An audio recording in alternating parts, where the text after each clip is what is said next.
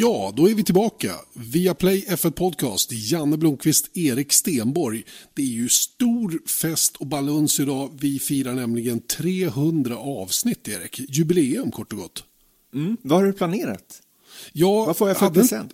Jag hade inte så mycket planerat egentligen, men jag har faktiskt en liten godbit. Eller vi fick ju hjälp med en godbit kan man säga i helgen, eller hur? Mm, mm. Du menar Marcus Erikssons första seger i Indycar? Typ, det är ju den då. Det blev ju en liten sån här bitterljuv historia med den här vansinniga kraschen som Rosenqvist var med om och det otäcka som hände under fotbolls-EM och sen så slutade samma kväll då med den här segern för Marcus Eriksson. Det var väldigt, väldigt känslomässigt jobbigt den där aftonen eh, med allt som inträffade ungefär samtidigt. Mm, ja, men det var faktiskt det. Det kändes som, för att jag såg bara på Twitter det där med, med eh, den danska fotbollsspelaren och sen så när det där hände med Felix och då hade jag inte på känn att Marcus skulle vinna det där racet heller, så jag kände bara Jesus Christ, och så vad är det som håller på att hända? Och det, det är konstigt att man drar paralleller, det har ingenting med saken att göra. Inget, alltså de två liksom, händelserna hade ingenting med saken att göra, men det kändes så här oturs... Det kändes som en dålig sportkväll. Just det, och det var skandinavisk inblandning i alltihop också, vilket gjorde det extra eh, knepigt tycker jag att ta itu med. Hur som helst, det blev ju lyckligt slut på det mesta utav det som var olyckligt till att börja med då. Både Eriksson då, han, fotbollsspelaren då som, som är på, på, på bättringsvägen och detsamma gäller då Felix Rosenqvist som, som också är på bättringsvägen faktiskt, även om han är rejält mörbultad. Eh, men du Erik, det är väldigt intensivt just nu när det gäller eh, racing rent generellt. Det är, ju, det, är ju, det är ju precis varje helg någonting som händer. Mm. Nu går vi nämligen in i en triple header i Formel 1 och eh, vad är det? Det är nästan en triple header i Indycar också va? Kan man väl eh, säga. Ja, det blir ju det. Då. Det var två race senaste helgen och sen direkt veckan efter ytterligare ett race. Då. De fick ju för ovanlighetens skull en ledig helg då efter Indy 500. Det brukar de inte ha, utan då går de rakt in i dubbelrace i Detroit efter the month of May.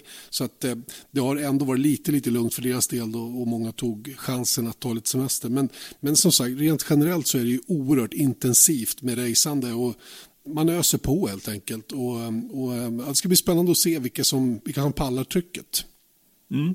Har du sagt att, att vi ska prata med Marcus Eriksson i den här podden?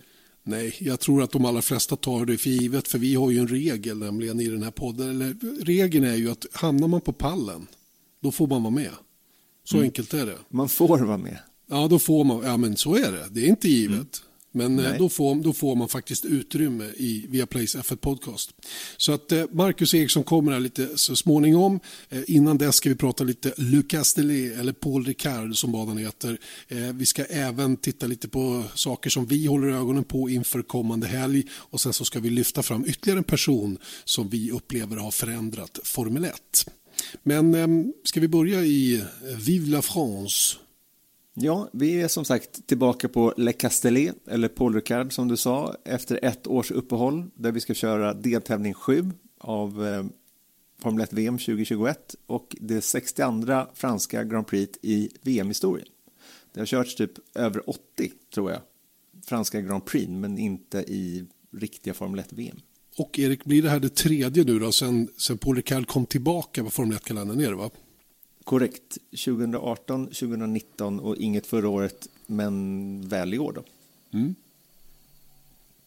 Jag eh, fortsätter då att Circuit Paul Ricard, den öppnades 1970 och var ju skapad då av Paul Ricard, eh, personen Paul Ricard, som 1932 hade skapat den här franska spritdrycken Pastis, som också heter Paul Ricard.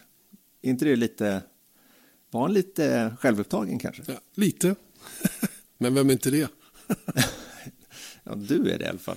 Men om ni vill så kan ni lyssna tillbaka på avsnittet. Vi gjorde ett, eh, in, när vi skulle komma tillbaka till Polygard första gången 2018 så gjorde vi liksom inför det racet så, um, så gjorde vi lite mera runt Polycard och han är en ganska spännande person. Så att eh, gå tillbaks och lyssna på det avsnittet om ni vill höra mer om honom. Eh, men när den här banan då öppnades 1970 som sagt så var den chockerande modern för sin tid. Den var liksom platt som en pannkaka och omringad av räcken på ganska behörigt avstånd och det här var någonting nytt, vilket vi kommer till lite senare apropå den här personen som förändrade Formel 1, det är nämligen Jackie Stewart i eh, den här veckan. Men det här var liksom någonting helt, det hade man aldrig sett tidigare, att man hade satt räckena säkert 10 meter ifrån bankanten. Wow. Ja, alltså det var kanske lite längre på sina ställen, men det var just att den hade räcken. Det var liksom som att, det, vi har aldrig sett något liknande. Det var som att komma till Abu Dhabi i år, ungefär. Mm. Så modern var Paul Ricard på sin tid. Ehm, dessutom så hade han redan då liksom flera olika layouter och det här är någonting som är ganska speciellt för Paul Ricard nu för tiden, för den gjorde en stor renovering. Det var väl 10, 15, 20 år sedan som de renoverade den.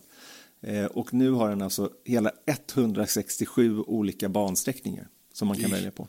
Helt galet faktiskt. Annars är det ju Storbritannien som ses av de allra flesta då, som motorsportens hemland. Och det, det kan ju stämma naturligtvis, va? Men, men det var i Frankrike som det här med biltävlingen föddes. Eh, det var världens första biltävling, kördes nämligen 22 juli 1894, det är ett tag sedan. Eh, det var ett race man tävlade på allmänna vägar mellan Paris och Rouen. Eh, heter det Rouen? Rouen, ja. Rouen, Rouen. Vi säger det. Rouen, eh, kan vi säga. Rouen, Rouen. Jag är inte fransk så att det får bli lite hur som helst. Det var i alla fall en sträcka på ungefär 13 mil. Eh, sen kördes också världens första Grand Prix i Frankrike 1906. Den gången på Le Mans. Det kallades för bana men det var ju en väldigt annorlunda variant av bana än den Le Mans vi har idag. Varvet var nämligen 103 kilometer, 10 mil långt alltså. Man körde hela 12 varv. Eh, och vi ska komma tillbaka till, till den här banan idag med Marcus Eriksson om en liten stund. Men en intressant statistik som vi har fångat upp handlar om den smått legendariska Mistral-rakan, Erik. Ja, precis. För att i original liksom layouten 1970 så var den 1,8 kilometer lång. Alltså 400 meter kortare då än start och målrakan på Baku City Circuit som vi körde för två veckor sedan. Men helt spikrak då. Och då var folk på riktigt då hänförda 1985 när Mark Surer, schweizaren, i en Brabham BMW med full turboboost på kvalet toppade ut på 338 km i timmen innan den här Singskurvan som kom direkt efter Mistral-rakan. Då. Men det som jag fastnade för i den här statistiken då är att nu för tiden i den här Mistral-rakan, den finns ju kvar. Det är ju praktiken samma sträckning i ehm, nu för tiden också, men den är huggen mitt i tu av en chikan. Men Ricardo 2019 då, då i Renault-teamet toppade sin bil med en fart på 342 och en halv kilometer i timmen 2019. Och det är alltså på halva, halva sträckan. Mm. Men, men, vi hade kunnat kört 400 km i timmen med en Formel 1-bil om vi hade byggt den för det så att säga med utväxling och, och downforce-nivåer hela den biten. Det är väl svårt att åka fortare än 342 om man ska ha en bil som går att köra resten av varvet. Så det är kanske inte så konstigt att de når dit men, men just den där 338 tycker jag är så sjukt imponerande från den tiden. Mm. Du pajar hela min statistik. Jag menade att Ricardo var, var, var, var coolt. Nej, det vet jag inte. De har ju varit snabbare än så på andra ställen. Så att, eh, nej, men det, jag, tycker, jag tycker eh, det är synd att den här chikanen finns där på Mistralrocken. Den förstör egentligen hela alltihopa. Det hade varit mycket, mycket bättre. Jag, hade, jag menar, återigen, vi pratade Baku och den långa raksträckan där. Tänk att fått samma dragrace på baksidan. Istället så mm. har man en fullt, fullständigt idiotisk inbromsning och, och orytmisk del på banan som inte tillför någonting mer än att man sänker farten tillfälligt. Och jag vet inte om jag är så imponerad av just det. Eh, återigen, när de kommer ut på andra halvan så kommer de ändå upp i den toppfart som de förmodligen hade haft i alla fall om de hade åkt hela vägen. Däremot så får vi inte de här underbara slipstreaming-fighterna som hade varit kul att se. Nej, det har du faktiskt väldigt rätt i. Det är ju synd, alltså, och speciellt då om man kan köra. Nu, nu visar det sig i och för sig att det var lite farligt i Baku på sina håll, men jag menar på, på Paul Ricard, där är ju snacka om att det finns plats. Det är helt orimligt det de har gjort. Jag, jag förstår varför de har gjort det men jag tyckte inte att de tänkte rätt. Eller jag tycker inte de har tänkt rätt. Eh, och det vet jag att de förarna gör inte det heller. De vill ju ha den där långa raksträckan. De vill inte ha den där chikanen mitt på. Den, den fyller absolut ingen funktion mer än att ta ner farten tillfälligt och helt i onödan. Eh, all right, vi, vi raskar vidare, eller hur Erik? Vi har ju en mycket, mycket välkommen och eh, kul gäst i veckans podd. Då säger vi välkommen till Marcus Eriksson till F1-podden igen. Tack, tack. Och jag tänkte faktiskt att vi ska börja med att titta på lite bilder. Ni som lyssnar ser inte det här, men Marcus ser det. Och jag vill visa bilder från när du kommer in i Park Fermé och Victory Lane heter det på amerikanska. Och jag vill att du ska berätta vad du känner när du ser det här.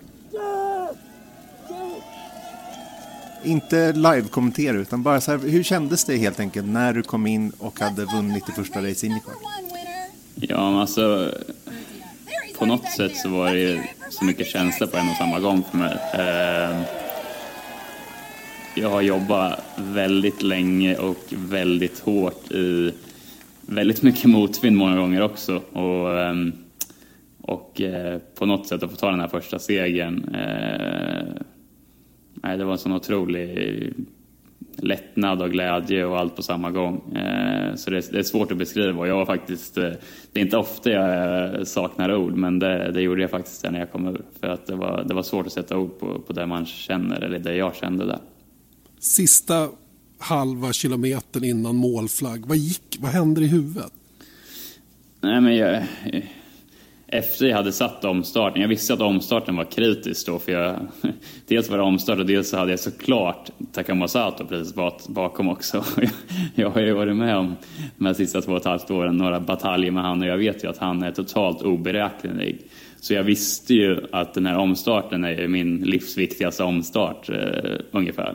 Så jag var ju så otroligt fokuserad på att sätta den först och främst och när jag satte den så perfekt som jag någonsin kunde göra så då var det bara, då visste jag att nu är det bara att ja, köra som jag alltid kör och, och försöka pressa bort de här äh, tankarna att jag är så nära segern. För det är lätt att hjärnan börjar springa iväg och, och då gäller det bara att behålla fokus för att allt kan ju hända och speciellt på en stadsbana så tappar du koncentrationen en tiondel sekund så kan du sitta i muren. Så det var väl det som var utmaningen då efter omstarten, att just hålla fokus och inte, inte tänka på vad man var nära att göra utan bara fortsätta att tänka kurva för kurva, kurva för kurva och räkna in liksom kurvorna till målflagg.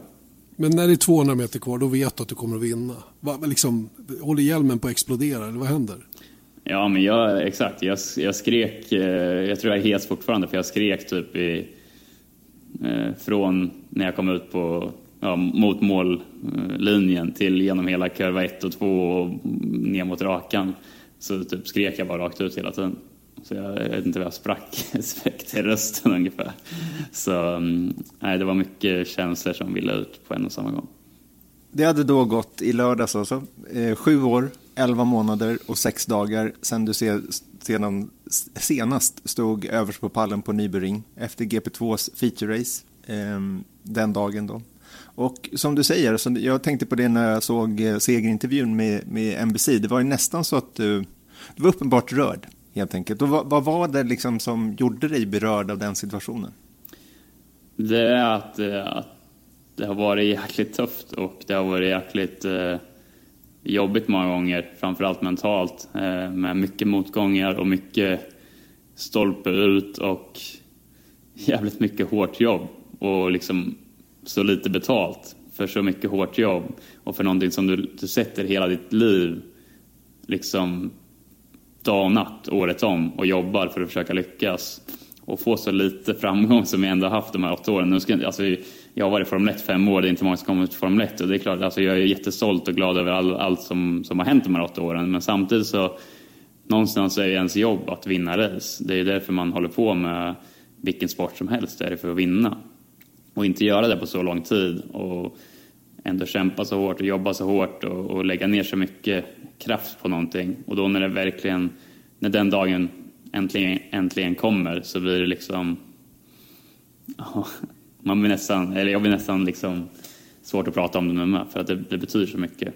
Eh, så det, ja, det var känslosamt. Eh, vi som känner dig och har jobbat nära dig under väldigt många år eh, har ju upplevt ändå att du, har, du kan murna ihop något fruktansvärt men så studsar du upp som en sån här gubbe som har en tyngd i botten. Eh, motgång efter motgång och du står där och är lika glad dagen efter igen. Eh, eh inte bryr dig speciellt mycket om kritik men, men de här bilderna i Victor Lane gjorde ju att man faktiskt funderade lite när, när klumpen i halsen fanns där.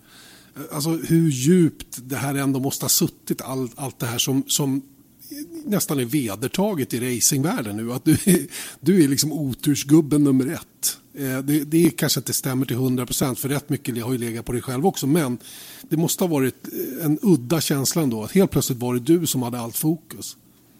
Ja men absolut och det är som sagt det, eh, det är tufft när man, man jobbar hårt och man eh, med rätta blir ifrågasatt när man inte liksom gör de resultaten som, som man kan göra och eh, det inte går så som man vill att det ska gå och man, man jobbar hårt, man gör allt man kan och man försöker och krigar och knyter näven och tar emot motgångar när man tror att man är på väg mot något bra och så, så blir det alltid någonting som händer oavsett om det är jag eller depån eller något annat så känns det som att det alltid, alltid ska det vara något ungefär. Eh, eh, eh, lite min karriär i ett nötskal, i alla fall sista åren. Och då, Eh, det är klart att varje sånt slag, eh, som du säger Janne, så jag, jag är bra. Jag ser det som en av mina största styrkor, att liksom hålla humöret uppe och ändå vara stark i, i motgång. Men oavsett vad man säger, oavsett vad man gör framför eh, tv-kamerorna eller eh, alltså, någon gång kommer man hem till ett hotellrum eller en lägenhet också och liksom, det är inte alltid så jäkla lätt eh, när det inte går som man vill och, och har så pass mycket motstöts, eller vad man, ska, vad man ska kalla det. Och det var därför det var så otroligt skönt också att jag verkligen hade medstöts och stolpe in den här dagen. Och på något sätt så var det bara, jag kände bara när det där hände med Power, när hans bil inte gick igång, att ja, vet du vad, det är fan rättvist det här. Det här är, mm. vi är värda det här, eller jag är värd det här. Det här är min dag. Och det känner jag fortfarande. Även om såklart jag inte vill att, liksom, man vill inte att någon annans konkurrens ska liksom, jag hade velat fightas med honom om den på slutet och det är inte det man vill vinna på det sättet. Men på något sätt så hade jag samlat ihop den där eh, turen eller vad man ska kalla det. Jag vill inte peta för mycket i, i de eventuella såren här, men jag tänker ändå på, lite på det som Janne var inne på där, att du känns ju hårdhudad och du är liksom ja, men en, en allmänt positiv person sett till din karriär. Men har det funnits tvivel hos dig själv? Det är klart det kommer tvivel när du är en idrottsman och det inte går som du vill och att du inte gör de resultaten som man själv eh, sätter upp som målsättning och även andra sätter upp som målsättning utifrån.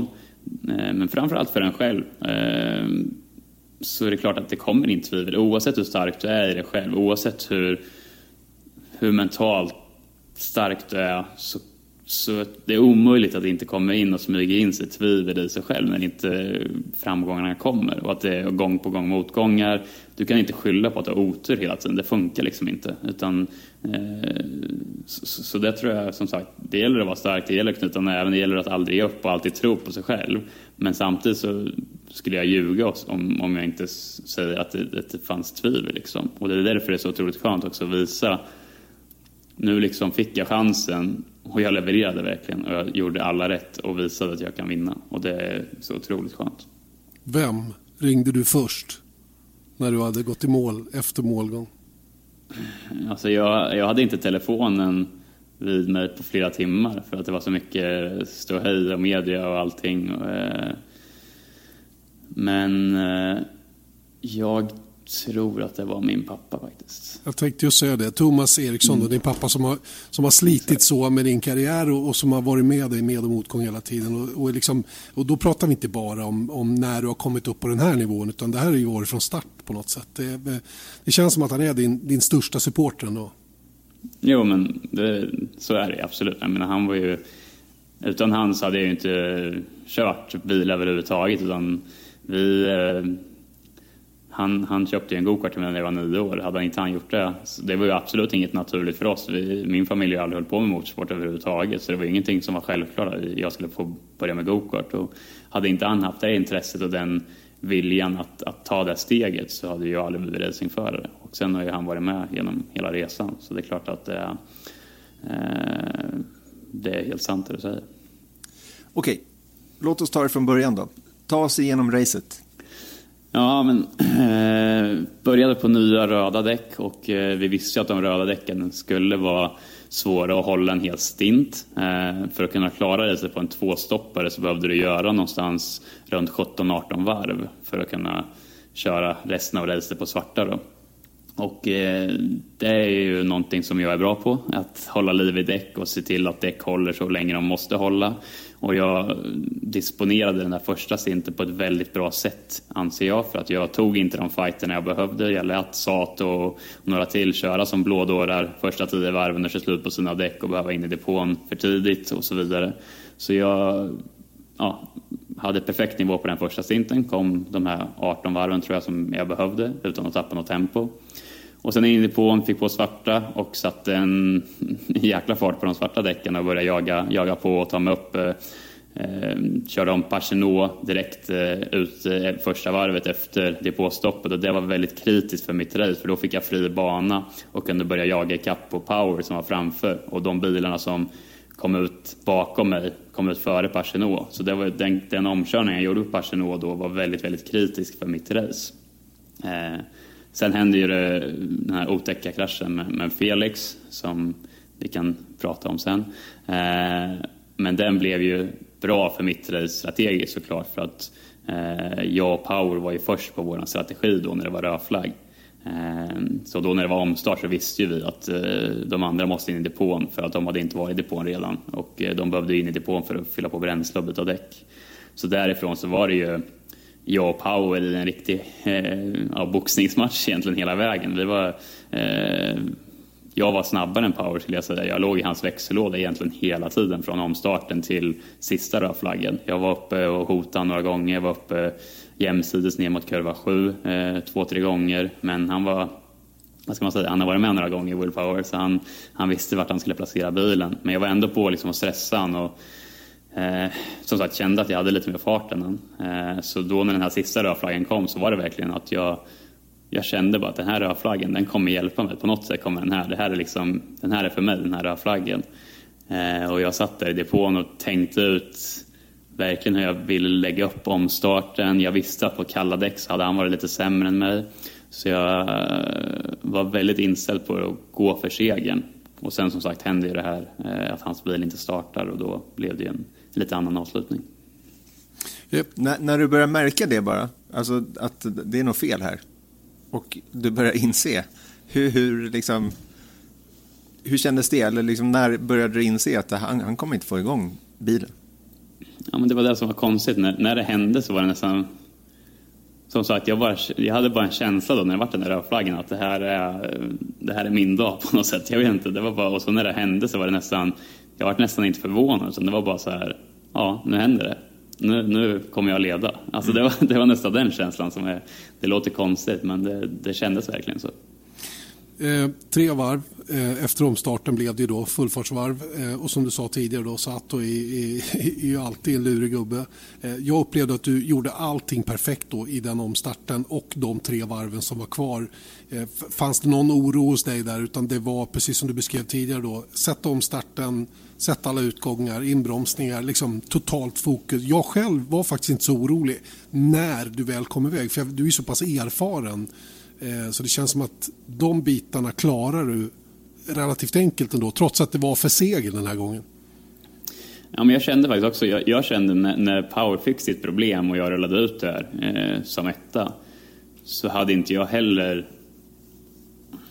Jag hade ingen oro överhuvudtaget, Men jag visste att nu är det här mitt race, gör jag allting som jag ska och som jag kan, som jag vet att jag kan, så kommer jag vinna det här racet. Så därför hade jag ett otroligt fokus men ändå ett lugn och vart aldrig liksom stressad eller orolig över det. Utan jag bara gick in i mig själv och bara såg till att göra allting så bra jag kunde. Och som sagt, jag satte mig en omstart. Jag har nog aldrig gjort en så bra omstart. Nu har inte jag gjort så många omstarter från, från första position, men, men eh, jag satte den perfekt och fick den här luckan direkt efter kurva 1-2. Och då efter det så visste jag ju att nu är det bara att bara göra tre varv klina varv så är det ingen som kommer kunna eh, hota. Du nämnde det där med Felix krasch där. Hur medveten var du om den där och då? Nej, men jag såg ju att när vi kom förbi där bakom säkerhetsbilen så märkte jag direkt att bilen står ju på ett väldigt onaturligt sätt liksom upp i staketet. Så då fattar man ju att någonting är... Det här har ju hänt något konstigt. Så eh, när det blev rödflagg då så frågade jag teamet liksom, vad, är det som händer, vad är, är han ur bilen? Och då sa de att nej, han är inte ur bilen, de jobbar med honom men ja, att han liksom är med medvetande tror jag. Eh, de sa. Så då fick jag den informationen. Men sen var det ju, fick vi lite mer information under den rödflaggen att, eh, att han var relativt okej okay, i alla fall från de första rapporterna så det var ju väldigt skönt. Eh, men det är klart att det var en otroligt otäck krasch vi, vi, det är ingen idé vi spekulerar i den här kraschen. Vi vet att det blev gashäng. Det hördes på bilderna och, och orsaken, den, den, den, riktiga orsaken den utreds väl fortfarande gissar jag. Så att vi, vi kan liksom lämna den detaljen åt sidan egentligen och bara vara oerhört tacksamma för att Felix inte skadades värre än han gjorde. Eh, du har träffat honom så sent som idag. Hur mår Felix Rosenqvist? Ja, men han, det är som du säger, det är fantastiskt att de här bilarna, hur, hur ändå starka de är. Att det är en sån krasch, vad var han skrev, 165 km i timmen rakt in i däcksbarriär och muren. Kunna klara sig så pass bra eh, är ju helt, helt otroligt egentligen. Det är ofattbart. Eh, men nej, vi, vi var och käkade lunch eh, här för bara några timmar sedan och eh, han är eh, på, på bra humör, såklart öm i kroppen och liksom har lite ont här och där men ingenting eh, är brutet eh, eller, eller sådant då, utan det är bara jäkligt öm i kroppen vilket vore konstigt annars då. Så han verkar på bra humör och ska väl jobba nu i veckan på att försöka kunna köra till helgen, är hans mål. Eh, även om det är väl lite osäkert än så länge, fattar jag som. Du är nu sjua i mästerskapet. Hur ser du på det? Jag tycker det är kanon. Jag har ju bra häng på dem framför, bra häng på topp fem. Eh, jag tycker ändå som sagt, om vi nu pratar om att jag hade lite stolpe in här i, i, i lördags, så har jag ändå haft mycket stolpe ut i år. Och om man bara kollar tillbaka på Texas-helgen så tappade jag väldigt mycket poäng där på att jag tappade däcket. Så eh, det känns absolut som att ligga sjua med de grejerna som har hänt i år är ändå ett styrkebesked. Och nu när jag har den här första segern i ryggen också så är ju absolut siktet inställt på att jaga in i topp fem och även topp tre är inte långt framför heller. Så nu, nu siktar vi uppåt, absolut. Du, Sportsgrönan säger ju att den första segern är alltid den svåraste att ta. Känner du eh, på det nu? Känner du på något vis annorlunda? Nej, men det är klart man får en jäkla boost av självförtroende och det blir en helt annan Alltså, på något sätt, det, jag, jag och Felix snackade faktiskt om det här på lunchen också, att det, det är sån otrolig skillnad på att komma tvåa eller trea eller fyra eller femma och man, man kan vara jättenöjd och tycka jag gjorde ett skitbra race och liksom vilken prestation och man är jättenöjd över det. Men det går inte att jämföra med att vinna. Alltså det, det är inte ens nära den känslan och det är det som är så häftigt när man väl vinner. Och, och just, just den är, känslan. Är det glädje du pratar om då eller är det bara liksom Nej, men... confidence eller allting? allting, hela, hela grejen tror jag. Och confidence, glädje, eh, tillfredsställelse, eh, ja, självförtroendet man får, får från det. Inte bara i sig själv men även mot de andra och mot alla. Mot, eh, det, bara, det betyder så mycket och jag tror framförallt här i USA också. Jag menar, det är ju, här ska du vinna. Alltså, det här landet är det vinnare som gäller. Och, jag tror för min karriär så och var det en... team, en, inte minst. Ja, i mitt team också, som Chip är snabb på att påpeka. Så jag tror för min karriär var det en eh, otroligt viktig seger. Några frågor bara som jag undrar över. Kval. Vi är fortfarande kvar i samma gamla läge kan man nästan säga då, med undantag egentligen på, på Barber, så är du där nere och lindansar hela förbaskade tiden. Vad, vad, liksom, vad kände du den här senaste rundan? Vi vet att det strulade inför race 2 med, med bensin, bensinen som inte var eh, tillräcklig i bilen, men första kvalet, så det, är, det är lite mycket lindansande fortfarande tycker jag.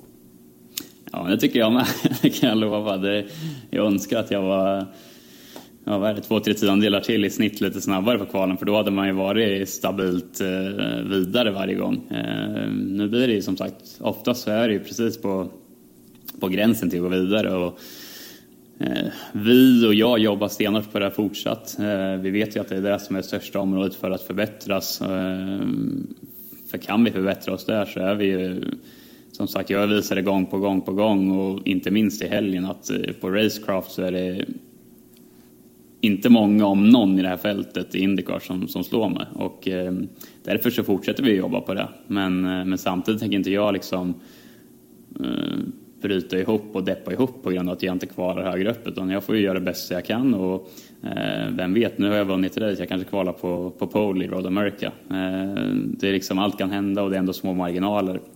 Som sagt, i helgen, mitt första kval, jag var jättenöjd med mina varv och tyckte jag hade gjort det skitbra och var helt övertygad om att jag gick vidare till Q2 när jag kom in i depån tills jag fick höra min eh, på radion när han säger PA till gruppen. Jag kunde inte, kunde inte tro det var sant. Så, eh, men det är små marginaler i den här klassen och det är väl det som är häftigt också. Eh, på andra kvalet där så var jag på väg att vara precis på samma hundradel som Palou med två kurvor kvar och han var ju sexa och gick vidare så eh, det var ett steg framåt i det där kvalet. Men eh, nej, som sagt, det är bara att fortsätta jobba på det. Det är väl inget mer man kan göra, eller säga än, än det. Att det, det är fortsatt den största stället vi kan förbättra oss. Och framöver tanken är ordentligt? Ja, det är också en, en förutsättning för att kunna kvala bra. Det är ambitionen i alla fall.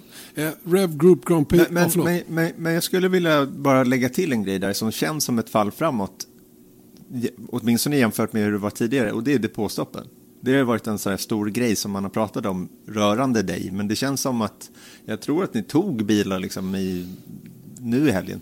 Ja, men det, det har jag inte nämnt i, i den här podden, men, men det är helt riktigt att både depåstopp och strategi i helgen var 10 poäng. Och, och det ska teamet ha en jäkla cred för. Eh, riktigt, riktigt bra jobb där. Och, eh, ja, och det betyder ju så mycket i den här klassen igen, när vi är inne på hur jämnt det är att ta en bil i depån gentemot att tappa en bil i depån, det kan vara skillnad mellan att vinna och, och komma femma eller trea. Det är så små marginaler i den här eh, klassen och det är därför det är så viktigt och det är därför det är också att det är en team effort. Har du inte alla de här bitarna så vinner du inte. Eh, Rev Group Grand Prix är det till helgen på eh, Elkhart Lake. Och det är väl en bana du har rätt goda minnen ifrån från förra året. Och eh, ny chans då att, att, bevisa inte minst att du kan kvala snabbt. Och det här är ju en helt annan typ av bana. Kanske en bana som passar din körstil lite bättre också. Ja, men jag tycker det. Det blir en helt annan sätt att köra Detroit som är otroligt hoppig och ojämn och olika greppnivåer. Och man, man ser ju att de, de snabbaste där, typ Pat Ward på, på kvalvarven, de är otroligt aggressiva eh, och, och rattar som jag vet inte, eh, vad säger man, fast hands, eller vad säger Pato att han har? Och det kan man väl lugnt säga att han har. Eh, Road America är i, i stort sett eh, motsatsen till det. Där gäller det att vara, hitta ett flow, hitta en rytm i körningen. Det är många svepande kurvor. Eh, så där krävs det en helt annan finess i körningen. Och det tycker väl jag är mer naturligt för mig i alla fall, och mitt sätt att köra. Och sen som du säger så har jag ju bra minnen från förra året där när jag kom fyra och gjorde ett riktigt starkt race. Då, så Eh, jag går in med riktigt eh, god känsla och såklart eh, en jäkla boost efter, efter helgen. Och innan vi låter dig gå och putsa vidare på din pokal, har du den hemma? Nej, den, jag skickar med mig lastbilen så jag ska åka och hämta den imorgon på teamet. Så förhoppningsvis är den kvar Okej, okay. ja, men då får du förbereda putsdukarna eller någonting sånt där. Men det är också Frankrikes Grand Prix på Paul Ricard i helgen. Du har kört där. Hur ser du på banan? Vad har den för liksom, hemligheter? Eh, ja, det är väl inte den roligaste banan på kalendern enligt mig. Jag har aldrig riktigt varit, tyckt den var jätterolig. Men eh, det är det lite igen som jag var inne på med Road America. Det är en bana som har mycket svepande kurvor. Eh, gäller att hitta ett flow i, i körningen. Och jag vet i alla fall från när jag var där så är de, de här långa ingångarna som det är på en, en del av kurvorna är väldigt tekniskt svåra. Dels körmässigt men även för till bilen. För du måste ha en bil som är stabil när du kombinera bromsning med instyrning. Men samtidigt så måste den bil som även rotera när du väl kommer till kurvan. Så det är en rätt så svår balansgång där man hittar med, med setupen. Eh, vad kommer du hålla ögonen på i helgen då? Ja, jag kommer hålla... Formel 1? Jag kommer inte ha så många ögon att hålla på, på Formel 1 om jag ska vara ärlig. Fullt upp att hålla ögonen på Road America tror jag. Men eh, men det är väl intressant att se hur det går där, fortsätta fighten såklart mellan Red Bull och Mercedes och eh, se och följa den helt enkelt. Se om Merca kan slå tillbaka nu efter eh, lite jobbiga helger de två, två senaste. Snyggt. Eh, stor lycka till då eh, på Road America och vi håller som sagt tummarna för att även Felix Rosenqvist kommer till start då, eh, på Road America där han alltså vann förra året. Där tog han sin första seger. Så att det, det, är liksom, det, är, det är kul att se Road America och det blir ju en fantastisk motorsporthelg eh, överlag. Eh, otroligt kul att du tog tid Marcus. Stort grattis igen till, till din första seger. Eh, vi har ju stor förhoppning om att det kommer fler. Tack, tack. Tack så mycket. Marcus Eriksson där alltså. Eh, jättekul naturligtvis med första segern i Indycar. Men nu har vi kommit till programpunkten som eh, handlar om att vi ska presentera en person som vi menar har förändrat Formel 1.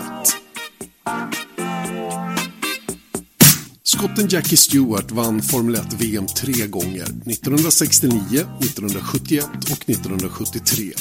Och med det facit så säger det sig självt att han var en gudabenådad förare som bara genom hans resultat satte ett avtryck på sporten. Men Formel 1 har honom att tacka för mycket mer då han även gick i bräschen för att förbättra säkerheten inom sporten. Under hans aktiva karriär på 60 och 70-talet var säkerheten närmast obefintlig, vilket också bekräftas i makabra siffror. Om du tävlade kontinuerligt under en femårsperiod på den här tiden låg risken att omkomma på över 60 procent. 14 förare omkom i en Formel 1-bil på 60-talet, 12 till på 70-talet och en av dem var ju Stewarts teamkamrat i Tyrell-stallet, François Sever. Fransmannen omkom efter en våldsam krasch i kvalet till USAs Grand Prix på Watkins Glen 1973. Jack hade sett många av sina vänner skadas och dödas genom åren, men Sever, ja det blev droppen för Stewart. Han hade redan innan bestämt sig för att det här racet skulle bli hans sista, men valde ändå att inte starta i USA och la hjälmen på hyllan direkt. Endast 34 år gammal. Vid det här laget hade han dock arbetat oförtröttligt i åratal för att göra säkerheten bättre. Det var, enligt Stewart, inte rimligt att en sport som var så uppenbart farlig inte gjorde mer för att förbättra den. Konstigt nog så mötte Stuarts korståg för bättre säkerhet hårt motstånd. Många tyckte helt enkelt inte att det behövdes och att man genom att göra sporten säkrare på något vis också förstörde den. Han kallades för fegis. Men som han själv sa, det är inte många av dem som kritiserar mig som själva har kraschat en Formel 1-bil i 250 km i timmen. Oavsett så bar Jackie Stewarts arbete frukt. Några av de idag självklara förbättringarna han låg bakom var introduktionen av integralhjälmar, krav på säkerhetsbälten, både att använda dem och hur de fungerade. Och att det alltid skulle finnas ett läkarteam på banorna. Han lyckades också introducera krav på räcken, bättre avåkningszoner i farliga kurvor. Inte bara för att skydda förarna utan också publiken. Formel 1 är fortfarande en farlig sport. Jules Bianchi förlorade livet för bara sex år sedan efter hans krasch på Suzuka. Och det var oroande nära ögat för Romain Grosjean i Bahrain förra året. Men utan Stewarts arbete och alla de som plockat upp hans stafettpinne sedan dess hade sannolikt fler förare förlorat livet genom åren. I sporten vi alla älskar.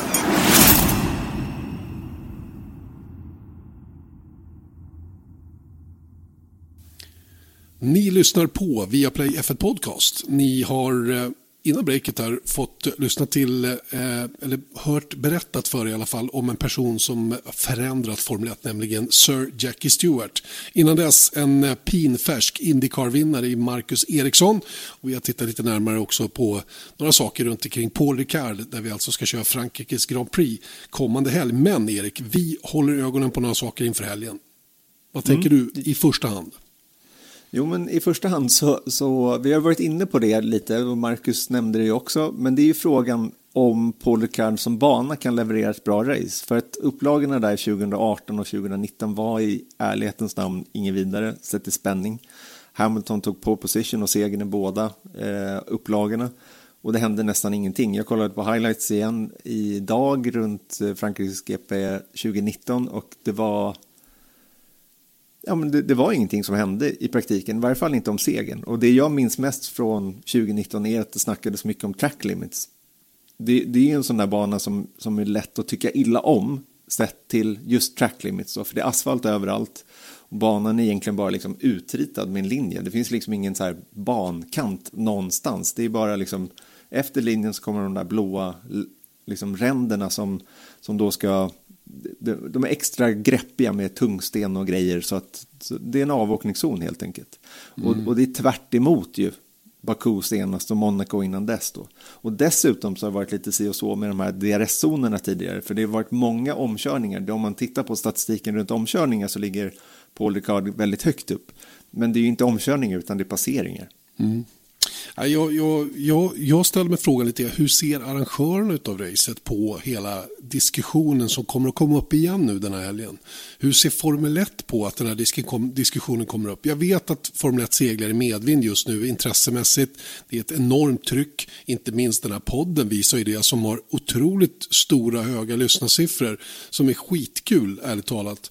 Eh, och, och det, det mår vi alla bra av naturligtvis. Va? Men jag tror inte Frankrikes Grand Prix mår bra av den här, det här surret. Här behöver man verkligen ta tag i de här bitarna på något sätt. Va? Inte bara låta det bara låta racet rulla på och sen glömma bort det dagen efter. Det, det, det är liksom ingen mening med att köra där. Utan här behöver man, eh, man behöver ta det på allvar, kritiken som den här banan har fått. Och det här säger jag innan vi har kört racet, för jag vet hur det har varit tidigare. Det är mycket, mycket möjligt att jag blir helt motbevisad den här helgen. Att någonting händer, regnskur, inte vet jag. Att det blir tidernas klassiker.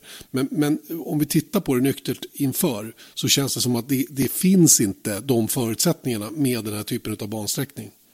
Nej, men då skulle jag ändå vilja lägga in en liten brasklapp här då. För att om man tänker tillbaka på 2018 och 2019, vad det var för typer av säsonger. Visst, Ferrari var lite utmanare ibland och Red Bull var lite utmanare ibland. Men med facit i hand, så man kanske satt och hoppades på att de skulle utmanas och Ferrari kanske skulle komma eller bla bla bla. Men det gjorde de ju inte.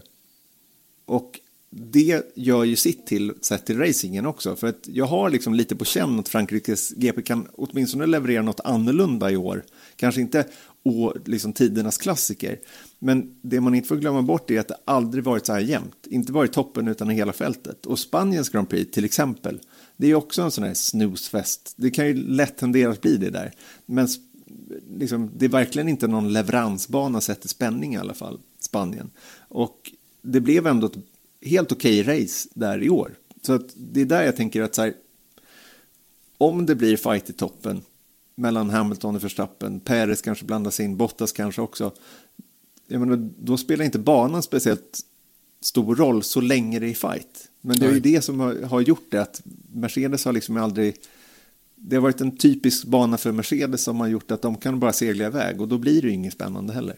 Det, du har helt rätt i det givetvis för att jämnheten som är och den här brutala fighten vi har eh, faktiskt gör att insatserna är mycket, mycket högre och då kanske de tvingas ta större risker och jag upplever att det har varit så från både Red Bull och Mercedes sida att de, de måste gå över gränsen nu eh, och tappa bort sig lite grann emellanåt och vi vet ju inte riktigt hur det kommer att se ut och då landar vi i det här med de här fyra poängen Erik.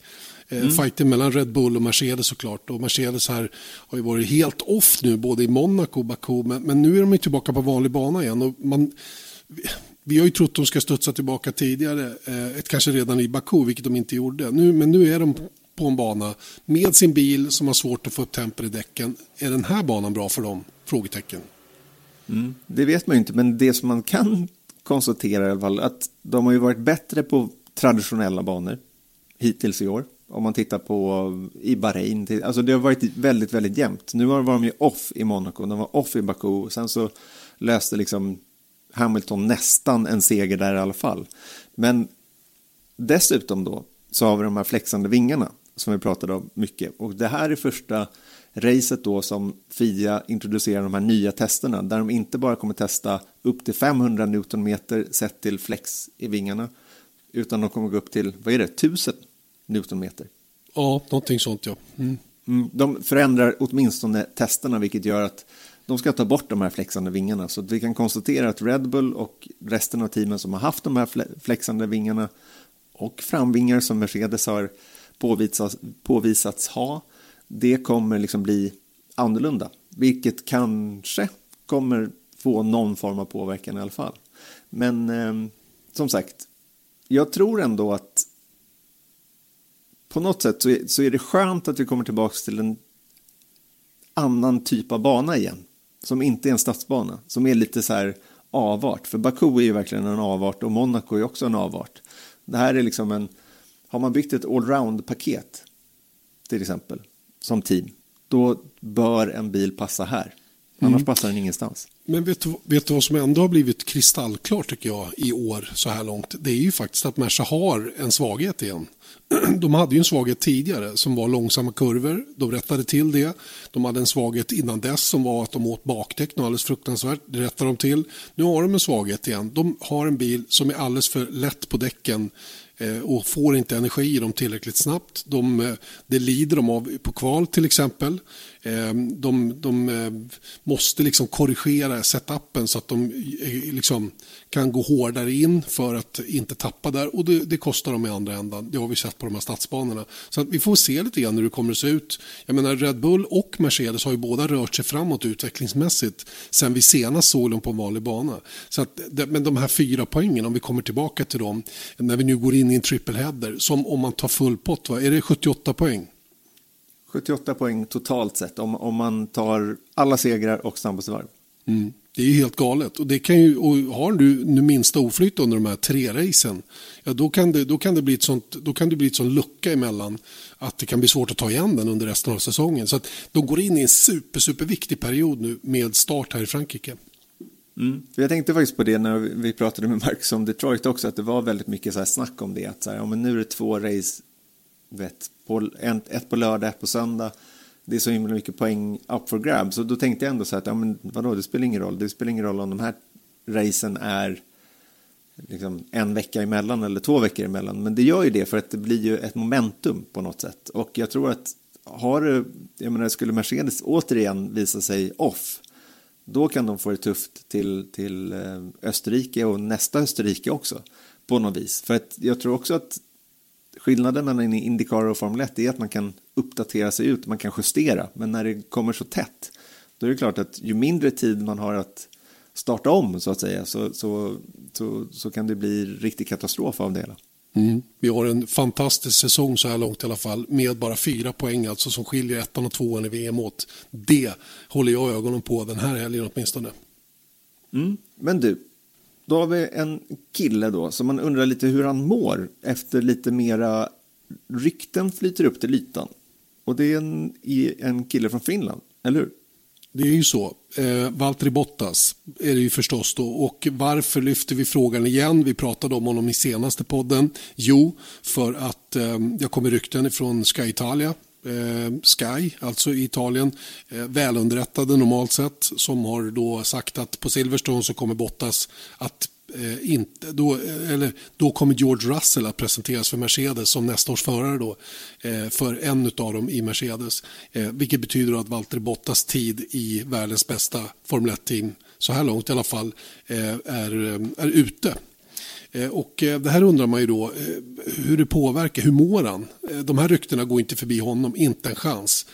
Och han har dessutom haft en brutalt dålig start för att sitta i en Mercedes i år. Vilket gör att de här ryktena blir än starkare och kanske får fyr på ett sätt som, som han hade annars kunnat klara sig ifrån. Om han hade till exempel vunnit två race hittills och inte haft de mankemang som han har haft så här långt. Så att man, man ställer sig frågan hur han mår. Att, att han ryker efter den här säsongen det är jag helt övertygad om och det har jag sagt tidigare. Jag tror att hans enda chans också att hänga kvar i Formel 1 det är att göra en, en clean sweep. Att de byter Russell och Bottas. Eh, med Mercedes gode minne så kör Bottas vidare fast i Williams. Eh, annars tror jag han lägger av. Det är min, det är min, det är min uppfattning fortfarande.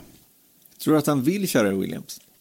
Det, det, är det som är frågan. Va? Och, och han, det är återigen, han måste ställa sig de här frågorna. Det här är viktiga existentiella frågor i hans karriär i det läge han har hamnat. Vill jag verkligen köra för Williams? Och varför skulle han vilja göra det? Ja, det ska möjligen vara för att vara med och bygga upp det här teamet igen till fornstora dagar.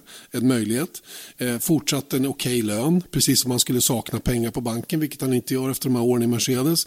Så, så att jag, är, jag, är, jag är kluven. Jag, jag, hade jag varit Bottas hade jag inte gjort det.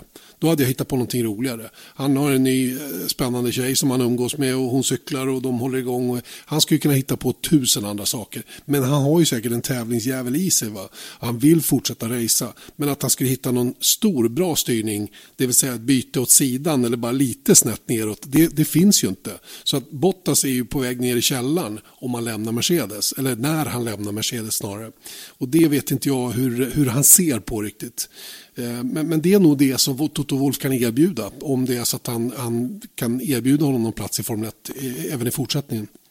Mm. Bottas har alltså tagit 46,5 procent av Hamiltons poäng, totala poängskörd i år, vilket är ju alldeles för dåligt i en av världens bästa bilar. Men om jag sätter en tes här, och jag tänker så här att eftersom vi har hört det nu, eller att rykten har flutit fram, att han ska behöva lämna då för George Russell, då, då kan det mycket väl vara för sent. Men tänk då, vi pratade om triple header och momentum. Tänk om han bara skulle gå in och dominera nu. Av någon outgrundlig anledning så tar han pole position i varje race. Han, han gör en grand slam helt enkelt i samtliga tre race. Kan det förändra hans situation? Eh, nej, säger jag då. Jag tror att kontraktet är redan påskrivet för Russell nämligen. Och eh, jag tror inte det kommer att ändras på oavsett. Bottas är inte den Mercedes ska bygga på för framtiden. Det är George Russell. Och det är det som är skillnaden de här två emellan. I år har det tyvärr också blivit smärtsamt tydligt att Bottas saknar det där sista lilla. Han är skitbra. Superduktig racerförare, alltså men han saknar det där sista lilla som skulle kunna vara det som fällde avgörandet till hans fördel i det här läget som, som teamet har hamnat nu. För Hamilton vill ju av allt att döma fortsätta, men vem ska köra in till? Och nu, måste ju, nu börjar ju Red Bull ta fighten på riktigt allvar och jag tror inte att Mercedes underskattar Red Bull även om vi går in i ett nytt reglement. Tvärtom. Och de är medvetna om att de måste kanske lyfta den andra bilen lite. Och de börjar att tveka på Bottas förmågor och de har ju dessutom mycket, mycket bättre insyn i vad det är som skiljer än vad du och jag har. Och alla andra också för den delen. Mm. Det som är lite spännande faktiskt är att jag måste nästan kolla på hur, hur ser det ut i, i VM här. Um, driver standings. För att vi har pratat väldigt mycket om Perez. Sett till att men, man kan inte ta så här lite poäng om man sitter bredvid Max Verstappen och det är det som är problemet hela tiden. Men det som har hänt nu ju, är ju att Sergio Perez är trea på 69 poäng och Valtteri Bottas är hela vägen ner på sjätte plats på 47 poäng. Mm. Så att han, du vet all den här kritiken som, som Perez, och det är klart att han fick 25 poäng senast när han vann racet, så att det såg ju lite annorlunda ut inför Baku. Men, men, men varje helg räknas väl?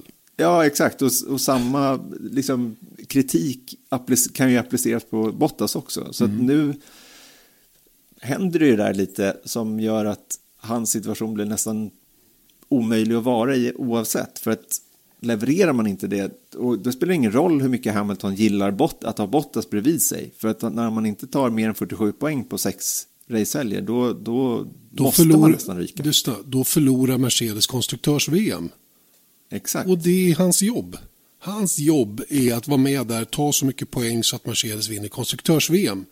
Det är Hamiltons jobb att vinna före-VM, men de två tillsammans jobb är att vinna konstruktörs-VM. Och klarar inte Merca det, med Bottas i teamet, då kommer de att byta ut honom. Och jag tror att det redan har hänt. Det är min personliga åsikt. Jag har ingenting emot Valtteri Bottas. Tro inte det. Tvärtom. Jag vet precis hur bra han är och hur bra han kan vara. Men han har vissa grejer som gör att han nu inte riktigt räcker till. Och tiden är mogen för att göra det där bytet. Och glöm inte, Mercedes har investerat massor i George Russell så här långt. Det är dags nu att stoppa honom i jorden och se hur långt han kan växa. Mm går vi på nästa grej som åtminstone jag håller ögonen på och det är två team faktiskt. Och det är Ferrari och Aston Martin. För det är de där två stallen som plötsligt tog jättekliv till Monaco och Baku. Två raka poles för Charlie Leclerc till exempel och eh, en andra plats för Vettel. Eh, också till exempel. Men då är den stora frågan, hur kommer det se ut på en traditionell bana? Vi har pratat mycket om att vi är tillbaka på en traditionell bana, men de här två teamen är ju väldigt spännande att se vad, vad som kommer ske med. Mm, jag tror att läget är bättre för, för Ferrari än det är för Aston Martin. Jag, jag är rädd för att Aston Martin kan vara tillbaka där de var innan Monaco Baku. Samtidigt, Ferrari har ju verkligen utnyttjat sina goda egenskaper i bilen, det där långsamma kurvor och hela den biten och har inte samma nytta av det eh, på, på, på Le eller på Le Castellet. Så att, eh, men jag tror att generellt är Ferrarin en bättre bil än Aston Martin. Så de kommer att, de kommer att ha möjligheter att, att fortsätta racea med McLaren. För det är de de racear om tredjeplatsen i konstruktörs-VM. Och eh, jag tror att det kan bli bra fight. Carlos Sainz fortsätter ju att vara hur stabil som helst. Charles Leclerc, ni vet ju alla hur snabb han kan vara när allting stämmer. Vi har dessutom en Lando Norris som är sjukt snabb. Eh, och kanske en Ricardo då som, som så sakteliga blir bättre. Men om vi hänger kvar vid Ferrari och Aston Martin så, så eh, håller jag med om att de är spännande att följa nu. Framförallt är jag nyfiken på Vettel. Jag är sjukt nyfiken på Vettel för han var så himla glad efter senaste racet och han fick det där som jag trodde han skulle få mycket tidigare egentligen, nytändningen som han har letat så efter eh, i sin karriär de senaste säsongerna. Va? Nu kom den. Andra plats i Baku, femte plats i Monaco. Han är tillbaka där han är van att vara. Det är där han vill vara. Och jag tror han kommer att jaga det ännu hårdare nu. Eh, och det ska bli spännande att följa det. Ja, tänk på vad vi sa om Fettel. De fyra första racen där. För då låg han ju efter Stroll. Och Stroll har nio poäng i år. Och helt plötsligt då har Fettel 28. Det är, mm. Återigen, det är mycket poäng där i den där andra platsen. Men eh, som vi sa förra veckan, det är en jäkla vändning som han har gjort ändå. Verkligen. Eh, värdig en fyrfaldig världsmästare, tycker jag. Mm. Nästa då, eh, en aus australiensare som heter Daniel Ricciardo. Oh. Klassens clown, vill jag säga. Det är han inte längre. Men han är ganska allvarlig numera tycker jag. Han har verkligen tonat ner det här skojfriskandet. Utan nu är det ju på riktigt. Han, är, han har hamnat i ett läge som han inte har varit van vid att vara i. Och eh, det är lite spännande tycker jag att se hur han kommer ur där. Precis, för att eh, vi har sagt det en miljon gånger. Men han ligger långt bakom Norris nu. Och lite likt det vi precis tog upp om Ferrari och Aston så hoppas jag att han hittar något när murarna inte är lika nära på något vis. För det är ju någonting som gör att han inte får ut allt ur den där bilen, åtminstone på samma sätt som Lando Norris gör. Och då tänker jag i min enfald att det kan ha att göra med att ett misstag på, i Monaco eller Baku, det blir nästan automatiskt väldigt, väldigt kostsamt. Men här kan han, har han i alla fall tre träningar som man kan ut och sladda lite och känna mm. lite. Ja, Björn Wiren var inne på vad det är som han saknar lite grann och det är ju långt in i sväng under inbromsning. Hur han är orolig att bakänden inte ska hänga kvar där Lennon Norris utnyttjar den egenskapen hos bilen på ett bättre sätt och där försvinner det nog mycket varvtid för Daniel Ricciardo mot Lennon Norris, framförallt i kvaltrim. Så att eh, vi, vi, får se lite hur han hanterar det här. Men eh, vi ska ju eh, prata med honom i helgen, ställa, ställa de frågorna till honom själv. Precis, den skarpögde kanske har sett det att vi har lagt ut eh, inlägg på både Instagram och eh, via Play Motors Facebook-sida där man kan ehm, skriva sin fråga till Daniel Ricciardo. Då ska vi välja ut eh, 10-12 stycken sådär. Och så ska ni få ställa frågorna till Daniel Ricciardo. Det var länge sedan vi gjorde ett sånt eh, typ av reportage för att vi har inte varit så himla mycket på plats de senaste åren på grund av pandemin då. Men nu, från och med Frankrike-helgen så har vi Björn Wirdheim på plats på alla race under hela sommaren, fram till Belgien i alla fall. Så det känns som ett lyft. Men jag då? Ja, du du. Du får väl vara hemma. Du gillar ju att vara hemma. Du är i Spanien nu. Du kan ju inte ja. hålla på och resa varje, varje dag. Nej, det kan jag faktiskt inte. Tycker det är rätt skönt att vara hemma om jag ska eh, viska bara lite mellan dig och mig. Mm. Nej, men det är väl lite, det är väl inte helt... Eh, vi, vi gör ju vårt bästa för att komma ut på, på samma sätt som vi har gjort eh, tidigare år. Att eh, ha en så kallad on-site studio. Men det är inte så, det är fortsatt eh, hårda restriktioner i, eh, från Formel 1-sidan. Och jag förstår dem faktiskt för att de är ju så otroligt måna om att, att kunna slutföra det här mästerskapet. Och det här, med, det här med kommentering, kommentatorspositioner och sådana saker, det går att få i undantagsfall inne i själva depån. För att det är olika zoner. Eh, och våra kommentatorspositioner är utanför den innersta zonen. Vilket betyder att vi skulle då inte kunna vara inne bland förare och sådana saker. Och då, då blir det liksom ingen poäng med att vara på plats. Nej, men det är också lite den här grejen nu när folk börjar vaccineras så kan jag tycka ändå, vet du att jag, är, jag ska vaccineras på fredag? Ja, du ser. Gamla gubbar först, vet du.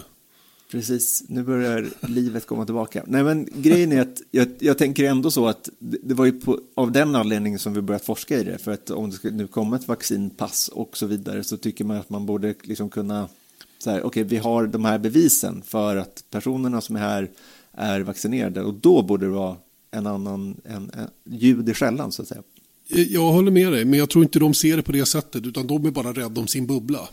Och de kommer inte öppna upp den bubblan med något annat än att de är helt säkra på att folk kan röra sig fritt. Att det är liksom helt lugnt. Och jag, de kommer inte ta några risker under 2021 för att äventyra möjligheten att genomföra race och exponera förare för folk och bla bla bla. Så, så det, jag, jag, kan, jag kan verkligen förstå att restriktionerna är hårda fortfarande även om jag är besviken över det, situationen. Jag tycker det är tråkigt. Eh, publiken märker av det tror jag en del, att det är som det är, att det är knapphändigt, vi kommer inte, det blir inte samma närvaro och hela den grejen. Så det, det kan jag tycka är trist, men, men eh, ser man på det med lite helikopterperspektiv så förstår man att det är så. Det var lite navelskåderi det, från vår sida. Absolut, men vi har i alla fall Björn Wirdheim på plats i Frankrike och det är jag glad över. Mm. Underbart. Eh, har vi något mer att reda ut innan vi stänger butiken för den här veckan? Nej, inte något att reda ut, men jag kan väl puffa lite för ja, dels massor, massor av racing. Vi har, förutom Formel 1 och Indycar, då, så har vi AMA, motocross. Det tycker jag är coolt. Och sen så kommer vi börja sända DTM och W-series. Så nästa vecka kanske det kommer någon form av eh, gäst som eh, ska köra den här W-series. Som eh, vi även ska prata lite om Formel 1 runt. Ser man på? Mm. Så spännande. Och sen, och sen i helgen, så om ni har någonsin undrat någonting om depåstopp så kommer ni få svar på vad som gäller i den här sändningen. För vi har eh, en gäst i studion som heter Charlie Häggstam som var mekaniker under många år i Formel 1 och eh, då var en person som i allra högsta grad då deltog under depåstopp. Och lite andra intervjuer runt det som, som vi ska Ja, vi ska helt enkelt djupdyka i hur är baske mig möjligt att byta fyra hjul på 1,82 sekunder. Mm, det är bra. Det tycker jag är helt rätt att vi tar reda på. All right, då säger vi så. Mm, det gör Hast, vi. Hasta la vista, som vi säger i branschen. Baby. Hörs om en vecka. Ha det gott, hörni. Hej då. Hej då.